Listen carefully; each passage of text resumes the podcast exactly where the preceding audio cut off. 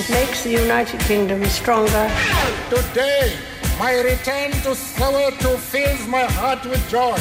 Ladies and gentlemen, welcome to London Heathrow's Terminal 5. Bon dia, John Carlin. Bon dia, Roger Escapa. Què tal, John, com anem?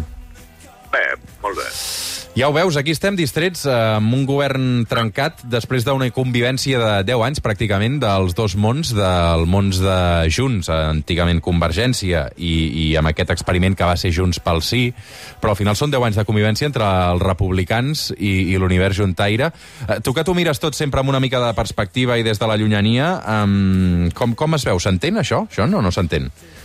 Sí, mira, yo lo veo desde un poco la lejanía, como dices tú, como lo no soy la persona mejor calificada para hablar de esto y tendréis muchos que, que lo harán mucho mejor que yo, pero eh, se me ocurren dos cosas, así en breve. Uno, una palabra catalana que he aprendido hace poco, la palabra ñap, Nyap. para decir todo esto, ñap.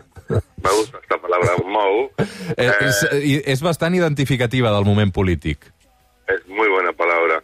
Y, y segundo, que me parece eh, un poco lamentable, por no decir, no sé, irónico, que la, la mejor apuesta para, para Junts, para Puigdemont y compañía, para volver a tener así una preeminencia en el mundo político, eh, será una victoria de la, de la derecha en las próximas español- eh, elecciones españolas. O sea, lo, lo que más les conviene ahora es que pierda Sánchez eh, y que el PP y, y si con Vox mejor todavía desde el punto de vista de Junts que vuelvan al poder porque eso volver- volverá a agitar la situación en Cataluña y, y será terreno más fértil para que ellos vuelvan a, a la carga y eso me parece un poquito triste, pero no sé.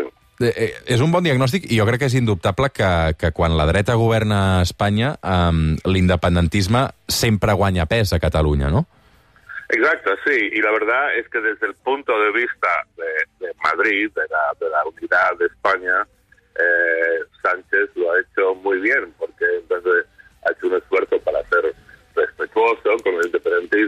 independentismo y ha dejado de ser así el gran coco, el gran enemigo, y ha permitido que eh, en la ausencia de un enemigo, de un lobo feroz en Madrid, que los indepes se peleen entre, entre sí mismos. Y le ha salido por ahora eh, bastante bien la jugada a, a Sánchez. Mm.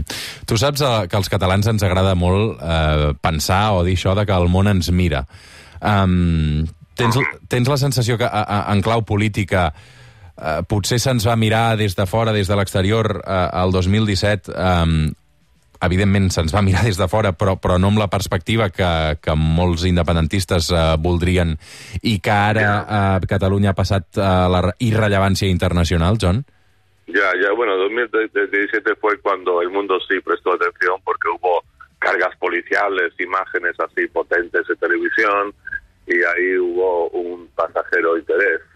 Eh, pero por lo demás, eh, yo creo que, aunque es, es muy importante para nosotros, eh, este, el- la situación actual en Cataluña, eh, fuera de aquí, fuera de España, eh, no va a ser de un enorme, enorme interés esto. Y, y en general, eh, yo creo que la actitud del resto del mundo, de la gente que, que se molesta en observar lo que nos pasa aquí,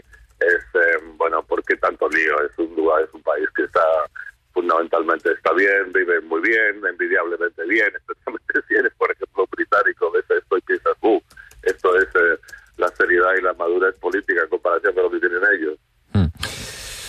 John, um, tu fem semàfors verds i vermells. Avui uh, tindrem temps de fer el, el semàfor verd perquè el món sí que mira cap a l'Iran uh, aquestes últimes setmanes arran de la mort de la Masha Amini a mans de la policia.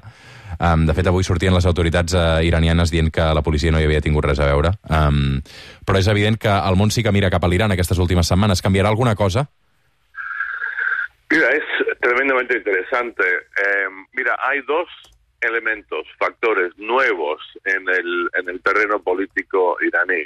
Uno, eh, como acabas de, de señalar, que hay un mártir, esta, esta mujer que, que murió a manos de la, de la policía moral, no llevar el velo. Eh, y los mártires siempre son figuras potentes que, que movilizan. Y más importante aún, y en parte como consecuencia de esta mujer mártir, eh, la gente ha perdido el miedo. Y ese es el tema en estos gobiernos autoritarios, sea en Irán, sean dictaduras militares latinoamericanas, sea Rusia. Eh, la cuestión es que el instrumento de persuasión política es el, el miedo. Y cuando la gente pierde el miedo, eh, se establecen nuevas dinámicas y puede pasar cualquier cosa. Y es esto yo lo he visto en, en Sudáfrica y lo he visto más visible en Argentina, la dictadura militar. De repente hay un clic, la gente pierde el miedo y se desata quién sabe qué. Pero cambio de algún, de, algún tipo tiene que haver en Irán. Sí que és veritat que en el cas de l'Iran eh, crec que les autoritats religioses eh, dominen el país des de, des de fa més de, de 40 anys, no? amb la revolució del 79. Eh, no sé Sí. si aquesta és la bona per, per intentar aquest canvi en aquest país. Sí, sí, bueno, exacto, ese es el tema.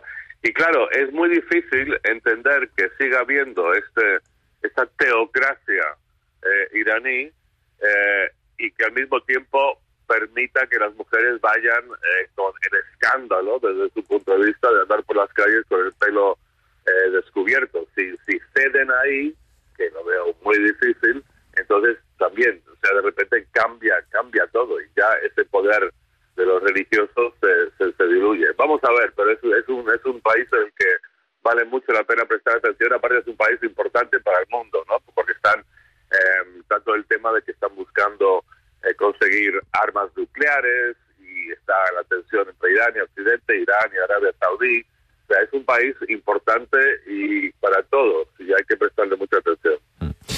John Carlin, uh, gràcies per acompanyar-nos un dissabte més, avui parlant del govern i també de, de l'actualitat internacional que passa una setmana més per l'Iran. Una abraçada, cuida't, bon dissabte.